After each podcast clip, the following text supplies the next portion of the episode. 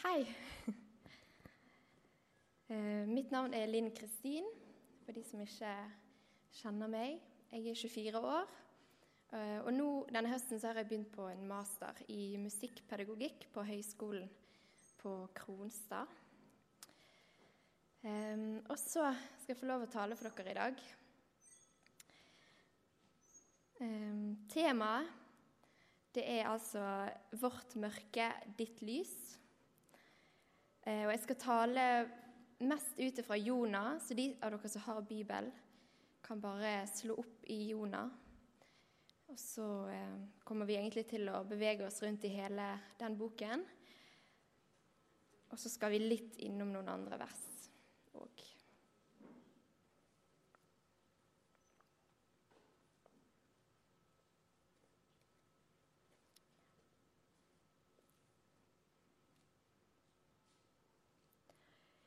Jeg leser fra Jonah 1 og vers 1. Herrens ord kom til Jonah, sønn av Amittai. Stå opp, gå til storbyen Ninive og rop ut over byen at ondskapen deres har steget opp for mitt ansikt. Da sto Jonah opp for å flykte til Tarsis, bort fra Herren. Han dro ned til Jaffa og fant et skip som skulle til Tarsis. Så betalte han for reisen og gikk ned i båten. Han ville være med til Tarsis, bort fra Herren. Og Sånn begynner boken om Jonah. Eh, vi får ingen videre introduksjon eller forhistorie som hjelp til å forstå hvem Jonah er, eh, eller hvilken relasjon han har til Gud. Men hvis vi går en rask tur innom andre kongebok Dere trenger ikke slå opp. Men i andre kongebok 1425 så leser vi at Jonah blir betegnet som Herrens tjener. Og Det kommer òg fram at Gud har brukt Jonah før til å forkynne sitt budskap. Så Jonah er altså Herrens tjener, og det kan være greit å ha i bakhodet. Jonah får beskjed om å dra til Ninive for å si til folket der at Gud har sett deres ondskap. Og så kommer det som jeg i hvert fall syns er litt forunderlig. Eh, det står at da sto Jonah opp for å flykte han ville flykte vekk fra Gud og unngå dette oppdraget. Jonah var Herrens tjener, og han hadde adlydd Gud før, men denne gangen så ville han altså ikke lyde. Det står at han betalte for en billett, gikk om bord i en båt for å komme vekk fra Herren. Og Når jeg leser dette, så tenker jeg for meg sjøl at selv om Jonah er Herrens tjener, så kan det virke som om han egentlig ikke kjenner Gud så godt. fordi at eh, Hvis han hadde kjent Gud, så hadde han jo visst at det ikke går an å flykte vekk fra Gud. Vi leser videre. Eh, Jonah er altså om bord i dette skipet, og fra vers 4 så står det Men Herren kastet en mektig vind nedover havet, og stormen ble så sterk at skipet holdt på å bli knust. Sjøfolkene ble redde, og hver mann ropte til sin gud. Lasten som var om bord, kastet de på havet for å lette skipet. Men Jonah hadde gått ned under dekk og lagt seg og var falt i dyp søvn. Kapteinen kom bort til han og sa, 'Hva er det med deg? Sover du?' 'Stå opp og rop til guden din. Kanskje Guden vil huske på oss, så vi ikke går under.' Hva er det som skjer her? Gud sender en storm som holder på å knuse skipet og drepe de som er om bord. De andre sjøfolkene de er livredde, og de kaster dyrebar last over bord og ber til gudene sine. Men hva gjør Jonah? Han legger seg til å sove. Han distanserer seg fra hele opplegget. Han gjemmer seg under dekk og sovner. Og En skulle jo tro at òg Jonah var redd for uværet, men han er jo tydeligvis ikke så veldig redd i og med at han klarer å sovne. Han er bare helt fullstendig likegyldig. Kapteinen på skipet må sjøl komme ned og vekke han, og lurer på hvorfor i all verden han ikke roper på sin Gud, sånn som de andre gjør.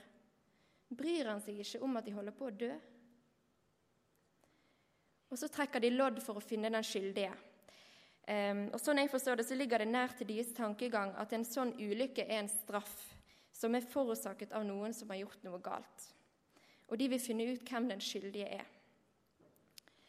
Og Jonah han taper loddtrekningen og blir konfrontert. Hva slags arbeid har du? Hvor kommer du fra? Hvilket land er du fra? Og hvilket folk tilhører du? Og så hører vi på svaret til Jonah. Han svarer, 'Jeg er hebreer og frykter Herren, himmelens Gud, som har skapt havet og det tørre landet.' Og jeg tenker, ok, Jonas kjenner Gud likevel. Gud er himmelens Gud, skaperen av havet og det tørre landet. Gud er den som har makt over havet, som kan skape stormer, som kan senke mektige skip. Og så tenker jeg en ting til i mitt stille sinn. Jonas sier her at han frykter Gud. For en hykler! Hvis Jonah hadde fryktet Gud, så hadde han ikke prøvd å flykte. Da hadde han gjort som Gud påla han. Ikke det det er å frykte Herren? Å gjøre som han sier? Men Jonah, han flykter. Han frykter ikke, han flykter. Jonah blir spurt om hvem han er, hans identitet, og Jonah presenterer seg som en som frykter himmelens herre. Og så står han her i denne båten, på flukt fra Herrens påbud, og likegyldig til at hans medreisende holder på å dø i denne stormen. Han hører at disse sjøfolkene roper på guder som ikke eksisterer, og ikke kan redde dem. Og så ligger Jonah, som kjenner den allmektige Gud, nede under dekk og sover. Og Det kan virke som han aldri hadde røpt dette hvis ikke kapteinen hadde kommet ned og konfrontert han med det. Da hadde de bare gått under. Jonah kaller seg en som frykter Gud, men avslører etter hvert at han er bare feig likegyldig og selvopptatt. I vers 10 så får vi vite at Jonah hadde fortalt disse mennene at han ville bli med båten for å flykte vekk fra Gud. Um, og jeg kan jo tenke meg at da de hørte det, så bare fnyste de litt av det. Men nå forstår de alvoret i saken. For det står at de blir sjøl grepet av frykt for Jonas sin Gud. For det blir tydelig for dem at det er Jonas sin Gud som har skapt stormen. Og de spør Jonah hva de kan gjøre med han for at stormen skal stilne. Og Nå tror jeg Jonas sjøl òg forstår alvoret i saken. Han er avslørt. Han kan ikke bortforklare seg. Han kan ikke lenger gjemme seg under dekk og sove. Han forstår at det eneste som kan redde skipet og disse sjøfolkene, er om han innrømmer sin skyld og står til ansvar for det. Og han, Jonas sjøl foreslår at de skal kaste han i havet.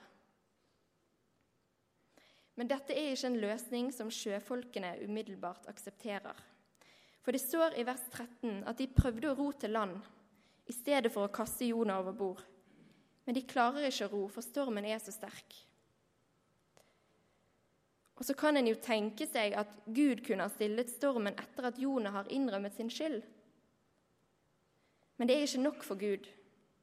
For det står at stormen blir sterkere og sterkere, og vi må huske at det er Gud som stadig sender denne vinden og stormen. Gud er ikke fornøyd med at Jonah bare innrømmer sin skyld.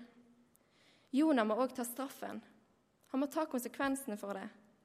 Når sjøfolkene skjønner at det ikke nytter å ro mer, så roper de til Herren. For det er tydelig at de er redde for at Gud skal straffe de hvis de kaster Jonah over bord. Og de ber om at Gud ikke må straffe de for det, ettersom det er Jonah som har gjort noe galt, og ikke de. Og I vers 14 så står det:" La ikke uskyldig blod komme over oss, for du, Herre, har gjort som du ville. Og Disse sjøfolkene de har tydeligvis skjønt noe. De har lært noe om Gud i løpet av denne reisen. De har møtt en Gud som vil noe, som straffer ondskap, som kontrollerer havet og vinden, og som har en relasjon til denne mannen Jonah. De skjønner til slutt at det ikke fins noen annen løsning enn å gjøre som Jonah sa, og kaste ham på havet. Og I vers 15-16 så står det Så løftet de Jonah opp og kastet ham i havet. Da holdt havet opp å rase og ble stille. Mennene ble grepet av stor frykt for Herren. De ofret slakteoffer til Herren og avla løfter. Stormen, som bare ble sterkere og sterkere, blir plutselig helt stille idet Jonah treffer vannet. Ser, ser, dere det for dere? De står i dette skipet. Stormen har rast. og De vet de har ikke lenger håp. De har kastet over bord alt som er å kaste. De har prøvd så godt de kan å komme seg inn til land for å sette Jonah av der, men det nytter ikke. Stormen blir sterkere og sterkere. Og så kaster de Jonah over bord, og så blir det stille. Helt stille. Dette blir et tydelig vitnesbyrd for disse sjømennene, og erfaringen blir faktisk til omvendelse for dem. Det står at de ofret slakteoffer til Gud og avla løfter. Og Før vi går videre i historien, så har jeg lyst til å reflektere litt mer over det som har skjedd så langt. Vi hører om Jonah som en gudstjener, og som får spørsmål om å dra til Ninive fordi at Gud vil tale til folket der. Så lærer vi at Jonah gjør hva som helst for å unngå det. Hvorfor? Det er tydeligvis ikke pga. den lange reisen, for Jonah er jo villig til å reise bare i motsatt retning. Og det er tydeligvis ikke fordi han er redd for å dø i Ninive, for han legger seg ned midt under en storm og er tydeligvis mer klar for å dø enn å gjøre som Gud befalte. Og I begynnelsen kan det virke som om Jonah ikke kjenner Gud så godt, men ute i historien så viser det seg at Jonah kjenner Gud veldig godt. Så hvorfor flykter han da? Hva var det som var så spesielt med Ninive? Som nevnt tidligere så møter vi og Jonah i andre kongebok 14. Og Hvis vi leser mer der eh, og i andre bøker i Bibelen som beskriver Israels historie, så får vi vite at Ninive det var en av de viktigste byene for asyrerne. Og Det var en periode det var hoved, eh, hovedstad for dem. Og Asyrerne de var kjent som nådeløse krigere som hadde erobret store landområder, og deriblant Israel. Og De hadde ført israelsfolket ut av sitt land, og noen av asyrerkongene de var kjent for sin groteske behandling av krigsfanger. Og jeg kan tenke meg at når Jonah hørte Guds befaling om å dra til Ninive, så visste Jonah veldig godt at Ninive tilhørte asyrerne. Og jeg tipper han var godt kjent med asyrerne sin historie og behandling av israelsfolket. Det kan tenkes at Jonah ikke ville dra til Ninive fordi han var redd for å bli drept av dette krigerske folket, men det er heller ikke grunnen til at Jonah ikke vil dra. Og Jonah han forklarer grunnen til Gud i kapittel 4. Da har Jonah endelig gått inn i Ninive og ropt ut budskapet fra Gud. Folket i Ninive reagerer med omvendelse. Til og med kongen av Ninive omvender seg og befaler resten av folket om å gjøre det samme. Og pga. at folket omvender seg og ber Gud om tilgivelse, så ser Gud i nåde til Ninive. Når dette skjer, så blir Jonas sint. Jonas visste nemlig at Gud er barmhjertig, og at Gud ville tilgi folket hvis de ba om det. Men Jonas ville ikke at Gud skulle tilgi dem. Jonas syntes ikke at folket Ninive fortjente det. Jonas visste jo at asyrerne var krigers folk som hadde behandlet israelsfolket dårlig. Og Jonas sa til Gud, 'Herre, var det ikke dette jeg sa da jeg var i mitt eget land?' 'Derfor ville jeg skynde meg å flykte til Tarsis, for jeg vet at du er en nådig og barmhjertig Gud.' 'Du er sen til vrede og rik på miskunn, så du angrer ulykken.' Men nå, Herre, bare ta livet mitt, for jeg vil heller dø enn å leve. Jonah ville ikke forkynne til folket i Ninive, for han syntes ikke de fortjente Guds nåde. Men jeg kan tenke meg en annen grunn til at Jonah blir sint og vil dø nå i etterkant. Og det er at han ikke vil tilbake til sitt folk og være kjent som han som forsynte til fienden. Jonas sier han heller vil dø. Hvorfor det? Og dette er selvfølgelig bare jeg som tenker det. Men jeg kan tenke meg at det er fordi han er redd for hva hans eget folk vil si når de får høre at han, Jonah, brakte Guds barmhjertighet til asyrerne, dette hedenske og krigerske folket. Jonah var mer opptatt av sine egne følelser, sine egne fordommer og sitt eget rykte blant sine egne enn å følge Guds påbud. Jonah visste at Gud var nådig, og at Gud ville tilgi folk i Ninive, men Jonah ville ikke det. Jonah syntes ikke de fortjente det.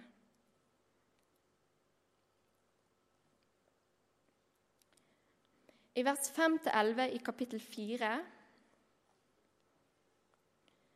så blir Jonas sin menneskelige, emosjonelle berg-og-dal-bane skildret på en veldig fin måte. Jonah han er sint, og Gud tåler Jonas sitt sinne. Men Gud han vil òg lære Jonah noe. Gud lar det vokse opp en busk som Jonah kan få skygge fra. Og da blir Jonah glad. Og så tar Gud busken vekk fra Jonah, og Jonah blir sint igjen. Og Dette bruker Gud som et konkret eksempel for å lære Jonah noe om hans fars kjærlighet. Og Fra vers 9 så leser vi Da sa Gud til Jonah, er du virkelig så sint på grunn av risinusbusken? Han svarte, Jeg er så sint at jeg kunne dø. Og Herren sa, du hadde omsorg for risinusbusken, som du ikke har hatt noe arbeid med og ikke har fått til å vokse opp, og som ble til på én natt og ble ødelagt på én natt. Skulle ikke jeg ha omsorg for storbyen Ninive, hvor det er mer enn tolv ganger 10 000 mennesker som ikke vet forskjell på høyre og venstre? Her lærer Guds ord oss med et helt konkret eksempel hvor stor forskjell det er på Guds tanker og menneskers tanker. Guds perspektiv og vårt perspektiv. Og Jeg syns tittelen på kapittel 4 er så fin, i hvert fall i 2011-oversettelsen. For der står det 'Jonas' harme og Guds nåde'. Jonas' harme og Guds nåde. Gud har omsorg for folk i Ninive, mens Jonah hater dem og vil se dem gå fortapt og ødelagt av Guds frede heller enn at de får omvende seg. Jonah ville ikke gi dem muligheten til å omvende seg. Og jeg tenker at her, her viser Gud Han avslører Gud noe veldig sant om oss mennesker. For det er sånn, vi har sånne emosjonelle berg-og-dal-baner. Vårt følelsesliv er ustabilt. Vi dømmer på bakgrunn av ytre ting. Vi lar oss påvirke av omgivelsene våre, menneskefrykt, ytre, ytre begrensninger. Det er, helt, det er helt menneskelig, og Gud vet det. Men som kristne så er vi kalt til noe annet. Og da kommer det opp bibelvers her. Nå skal vi lese litt. I Romerne 8. Dette her er jo et veldig kjent vers. Vi skal lese litt videre òg. Romerne 8, 1-17.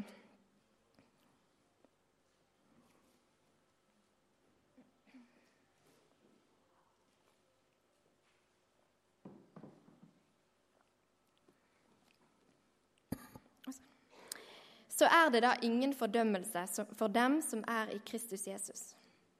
For Åndens lov, som gir liv, har i Kristus Jesus gjort deg fri fra syndens og dødens lov.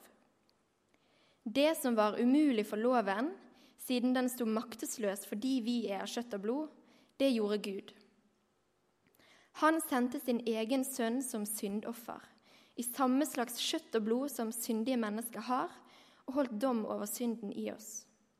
Slik ble lovens krav oppfylt i oss, som ikke lever slik kjøttet vil, men slik ånden vil.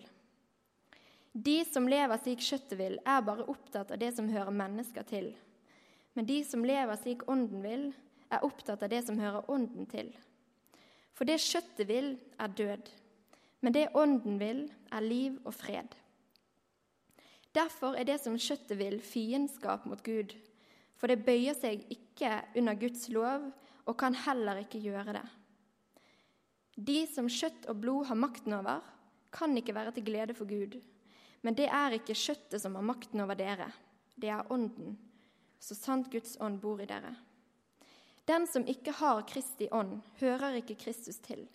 Men om Kristus bor i dere, er nå kroppen død av synden, men ånden er levende av rettferdigheten. Han reiste Jesus opp fra de døde. Og dersom Hans ånd bor i dere, skal han også reise Kristus opp fra de døde, også skal Han som reiste Kristus opp fra de døde, også gi deres dødelige kropp liv ved sin ånd som bor i dere. Derfor, søsken, skylder vi ikke vårt kjøtt og blod noe, så vi skulle leve slik det ville. For hvis dere lever slik kjøttet vil, skal dere dø. Men hvis dere ved Ånden dreper kroppens gjerninger, skal dere leve. Alle som drives av Guds ånd, er Guds barn. Dere har ikke fått den ånden som slavene har, så dere igjen skulle være redde. Nei, dere har fått ånden som gir, som gir rett til å være Guds barn, den som gjør at vi roper 'Abba, far'. Ånden selv vitner sammen med vår ånd om at vi er Guds barn. Men er vi barn, er vi også arvinger. Vi er Guds arvinger og Kristi medarvinger, så sant vi lider med ham, så vi også skal få del i herligheten sammen med ham. Her er veldig mange vers, men det jeg vil dere skal huske best nå i denne omgang, det er dette her med forskjellen på hva kroppen vil, og hva ånden vil. Og det kroppen vil, det mennesket vil i seg sjøl, det fører til død. Men det som ånden vil, er liv og fred. Og så kan vi se på Jonah. Hva var det han ville for folk i Ninive? Han ønsket død for dem. Han ønsket ikke at de skulle få omvende seg.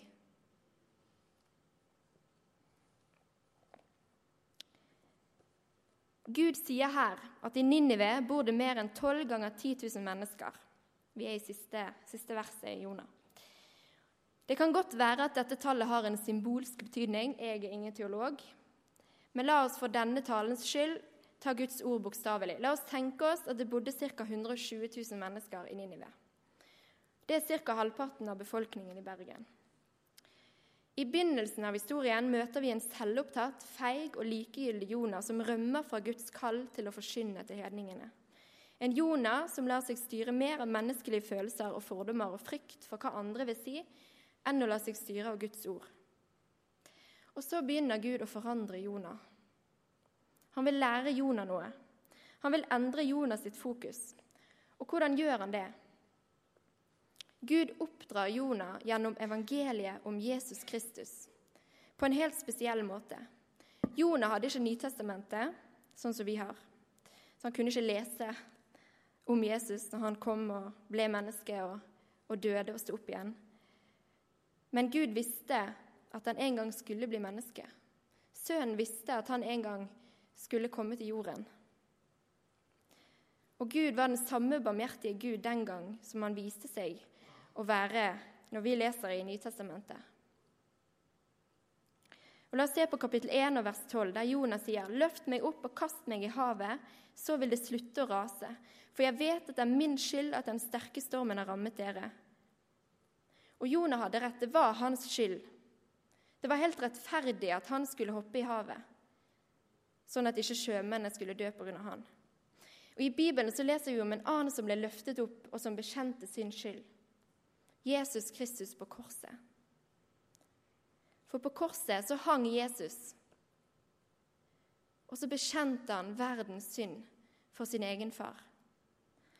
Han sa på en måte at alt dette som menneskene har gjort galt, det er min skyld. Alt er min skyld. Jesus tok all verdens synd på seg. Og I Jesaja 53, 11b så står det:" Min rettferdige tjener skal gjøre de mange rettferdige. Han har båret deres skyld. En forskjell her er selvfølgelig at vi òg leser at Jesus var syndfri. Og Vi kan jo egentlig tenke da at han ble uskyldig dømt, og noen vil kanskje da tenke at når Gud straffet Jesus, så var han urettferdig. Men Bibelen lærer oss noe annet. I 2. Korinterne 5,21 så står det Han som ikke visste av synd, har han gjort til synd for oss, for at vi i ham skal bli rettferdige for Gud. Så konkret er det. Når Jesus hang der på korset og bekjente, så la Gud all verdens synd på han. Det var en rettferdig dom når Jesus døde, for der sonte han faktisk vår synd. Det var en rettferdig dom som tilfredsstilte Guds frede. Og I historien om Jonah så lærer vi at Gud ikke var fornøyd med at Jonah bekjente at det var hans skyld. Gud ville at Jonah skulle kastes i havet, at han skulle ta straffen. Og først når Jonah traff vannet, så stilnet stormen. Først når Jonah, syndebukken, var blitt ofret. Og Jesaja 53, 10, så leser vi det var Herrens vilje å knuse ham med sykdom. Når hans liv er gitt som skyldoffer, skal han se etterkommere og leve lenge. Ved hans hånd skal det lykkes det Herren vil. Og I en annen oversettelse så står det men det behaget Herren å knuse ham. Han slo ham med sykdom. Og Videre i Jonah kapittel 2 Vi har hoppet over midtdelen der, og nå skal vi kjapt gå innom der. Så leser vi at Jonah, etter han ble kastet i havet, så hadde han sunket i havet. Og så sendte Gud en stor fisk som slukte Jonah. Og at Jonah han ble i buken til fisken i tre dager og tre netter. Og Dette er et tydelig bilde som peker på Jesus, som etter at han døde på korset, ble lagt i en grav og var død i tre dager og tre netter. Og I vers 5 i kapittel 2 så leser vi, det Jonas som sier, 'Jeg er drevet bort fra dine øyne. Skal jeg aldri mer få løfte blikket mot ditt hellige tempel?' Og så leser vi Markus 15, 34, om Jesus som roper til sin far, 'Min Gud, min Gud, hvorfor har du forlatt meg?' Og I Jonah kapittel 2 vers 7 så sier Jonah, 'Men du, Herre, førte meg levende opp av graven.' Og Vi leser om Jesus som sto opp igjen fra de døde. Og I Romane 8, som vi leste tidligere, så står det at Gud reiste Jesus opp. Og Til slutt så konkluderer Jonah i vers 10.: Frelsen kommer fra Herren.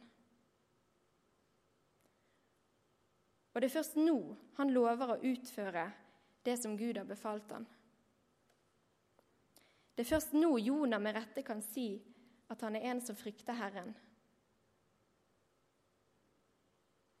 Hva må til for at Jonah skal trosse sine fordommer og sin frykt og gå til, til Ninive likevel?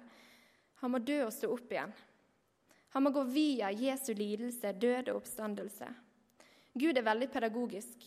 Han lærer Jonah evangeliet på hans egen kropp ved å fysisk føre han til havets bunn, redde han ved en fisk og føre han opp igjen i live. Gud lærer Jonah at uten Guds frelsende arm så ville Jonah vært død. At Gud har reddet Jonah sitt liv, og at Jonah skylder Gud å følge hans ord. Og så spør jeg, da Hvordan er det med oss? Hvordan er det med meg? Hvordan er det med deg?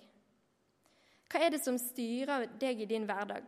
Er det Guds ord, eller er det dine følelser, din frykt, dine fordommer, det som virker umu som umulige hindringer og begrensninger? Har du lært at Gud er den som har makt over havet, vinden og naturen? Har du lært at Gud er den som frelser? Er du en som kaller deg en kristen, en som frykter Herren, men likevel er feig, selvopptatt og likegyldig? Er du en hykler sånn som Jonah? Eller er du kanskje en av disse menneskene i Ninive som trenger å høre at Gud har omsorg for deg? Som trenger en mulighet til å omvende deg til en levende Gud? Som, kanskje du er lei av tomhet og syndens slaveri? Vi leser om sjøfolkene som gjør alt for å unngå døden. De kaster om bord alt de kan og roper til gudene sine. Vi lever i en verden der mennesker er på vei i døden, og vi gjør hva som helst for å unngå det. Vi frykter døden. Det siste året har jeg jobbet som frivillig på et utested som heter Hulen. Og jeg får av og til spørsmål om hvordan jeg tør å gå dit. Og det er egentlig bare kristne som jeg får det spørsmålet av. Folk har liksom et visst inntrykk av det som foregår der, og hvem som henger der. Og jeg fikk dette spørsmålet senest denne uken og så sier jeg at det er jo helt normale mennesker som er der. Det er mennesker som tar vare på hverandre, og som er glade i hverandre. Og for å være helt ærlig så begynte jeg på Hulen fordi jeg følte meg kalt til det. Fordi jeg opplevde at Gud sa til meg at han har omsorg for menneskene der. At de trenger å vite det. Jeg har fortsatt til gode å møte noen andre på Hulen som er kristen. Og Sommeren før jeg bestemte meg for å jobbe der, så viste Gud meg gjennom fortellingen om Jonah at det er ikke mine egne følelser og lyster som skal bestemme hvem jeg skal dele evangeliet med, hvem jeg skal elske. Men det er Gud, det er Guds omsorg og hans kjærlighet som skal motivere meg til å elske alle mennesker. For hans kjærlighet er stabil, men det er ikke min. Og denne personen som spurte meg forrige uke hvordan jeg våger å gå på hulen, sa etter hvert at ja, jeg har jo mine fordommer, ikke sant? Og det er en helt ærlig innrømmelse. Og jeg syns det var så fint at denne personen turte å innrømme det. Men så er det ikke nok å innrømme det. For jeg òg hadde, hadde, fordommer. Jeg har fordommer. Jeg er et menneske, jeg òg. Alle, alle har fordommer. Men så har Gud oppdratt meg i møte med ulike mennesker. Gud kaller oss til å gjøre noe med det, til å kvitte oss med fordommene våre, eller i hvert fall ikke la oss styre av dem. Og la Guds ord overstyre dem. Vi trenger Guds hjelp til det. Og dere som er foreldre, hva lærer dere barna deres? Viderefører dere egne menneskelige fordommer og menneskefrykt til barna deres? Eller lærer dere de hva Jesus lærer oss å tenke? Dette, dette tror jeg er viktig at vi som menighet og som kristne er bevisste på. For Gud tenker nemlig annerledes enn oss. Annerledes enn vår første instinktive tanke, vår første dom over en situasjon eller et menneske. På slutten av fortellingen om Jonah så møter vi en Gud som har tålmodighet med Jonah. Vi møter en Gud som tåler Jonas sitt sinne, Jonas sin ærlighet og Jonas sin emosjonelle berg-og-dal-bane. Men vi møter òg en far som har lyst til å oppdra Jonah, som har lyst til å oppdra barnet sitt. Vi møter en Gud som vil lære Jonah hva han tenker om folket i Ninive. Og vi ser på det siste verset igjen. Skulle ikke jeg ha omsorg for storbyen Ninive, hvor det er mer enn tolv ganger 10 000 mennesker som ikke vet forskjell på høyre og venstre. Mennesker som ikke vet forskjell på høyre og venstre. Og i Isaiah 53, 53,6 så står det Vi gikk oss alle vill som sauer, hver tok sin egen vei, men skylden som vi alle hadde, lot Herren ramme ham. Legg merke til forskjellen i, i subjektet her. For når Gud snakker til Jonah, så sier han at menneskene i Ninive de vet ikke forskjell på høyre og venstre. Men når Jesaja skriver versene i Jesaja 53, så står det Vi gikk oss alle vill som sauer, men skylden som vi alle hadde, lot Herren ramme ham. Nå går vi mot en slutt her. Temaet for denne talen det er vårt mørke og ditt lys. Ehm, for når vi dømmer menneskene rundt oss og lar oss hindre av menneskefrykt og våre fordommer. Når vi unngår å fortelle om Jesus, ikke nødvendigvis i ord, men i gjerninger. Når vi unngår å elske menneskene rundt oss, som er det vi er kalt til. Jonah var kalt til å rope dom over Ninive. Men så leste jeg det så fint i, i, eh, starten her at Jesus kom ikke for å dømme verden, men for at verden skulle bli frelst ved han. Og Jesus har først og fremst gitt oss oppdraget om å elske menneskene rundt oss. Men når vi lar være å gjøre det av ulike grunner, menneskelige grunner Når vi tror vi vet bedre enn andre mennesker, så glemmer vi at vi gikk oss vill. Vi glemmer at det er Gud som frelser, at Han har ført oss ut av mørket i sin nåde. Og det er like ufortjent for oss som for den verste forbryter. Og så er Bergen vår by. Det er her vi bor. Og jeg har lyst òg at, at det skal være vårt mørke. Skjønner dere hva jeg mener? For Gud har omsorg for menneskene i Bergen. Har vi glemt det? Altså, Vi har jo ikke glemt det, men har vi glemt det? Ignorerer vi det og legger oss under dekk i skipet og sovner, feige, likegyldige og selvopptatte? er det sånn at mens mennesker rundt oss lider under synd og prøver å rope på falske guder, avguder og tomme ting, så legger vi oss ned, vi som kjenner den allmektige Gud, og sover. Eller vil vi stille oss sammen med de og rope på Gud, gå inn i deres mørke, identifisere oss med deres lidelse og rope på den levende Gud, så de kan bli frelst. For i utgangspunktet så er vi i samme båt. Og hvis sannheten er at vi har sovnet Altså dette er på helt personlig plan. Men hvis det er sånn at, at når du tenker deg om, så har du kanskje sovnet litt. Så la oss ha Jonas som forbilde, og la oss oppdra av Gud som har omsorg for oss. For vi trenger Guds ord, vi trenger Hans nåde, og at Han forvandler hjertene våre. Det er det vi først og fremst trenger Vi trenger å gå via evangeliet om Jesus Kristus i alt vi gjør, alle mennesker vi møter. Jeg dømmer folk hele tiden. Men så må jeg gå via Jesus, og så må jeg tenke jeg har ikke rett til å dømme. Gud dømte ikke meg, han møtte meg med nåde. Jeg har ingen rett til å dømme noen andre. Og Gud, han elsker alle andre mennesker like høyt som han elsker meg. Vi må gå via Jesus, hans død og oppstandelse. Og så trenger vi at Gud kommer med sitt lys, både inn i vårt mørke som er her, men så trenger vi òg at Gud kommer med sitt lys inn i vårt mørke, byen vår. Bergen er vår by.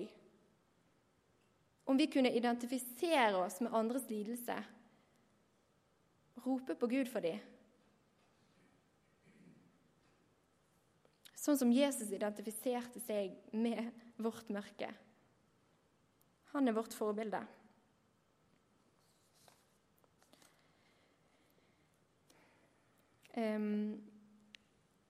Etter talen som Glenn hadde med familien sin i begynnelsen av høsten her, så snakket Glenn mye om det med å å avsløre ting som er skjult. Um, og det med å være åpne og ærlige med hverandre.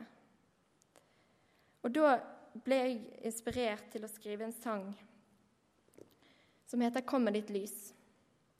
Og den tenkte jeg at vi skulle synge nå.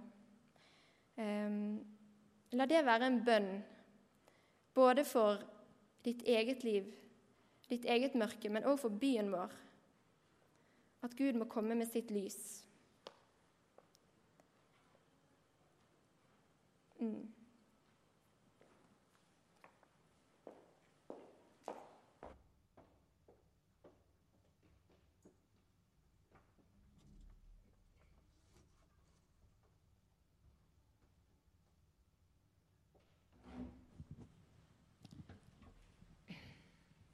Så håper jeg at dere vil henge dere på.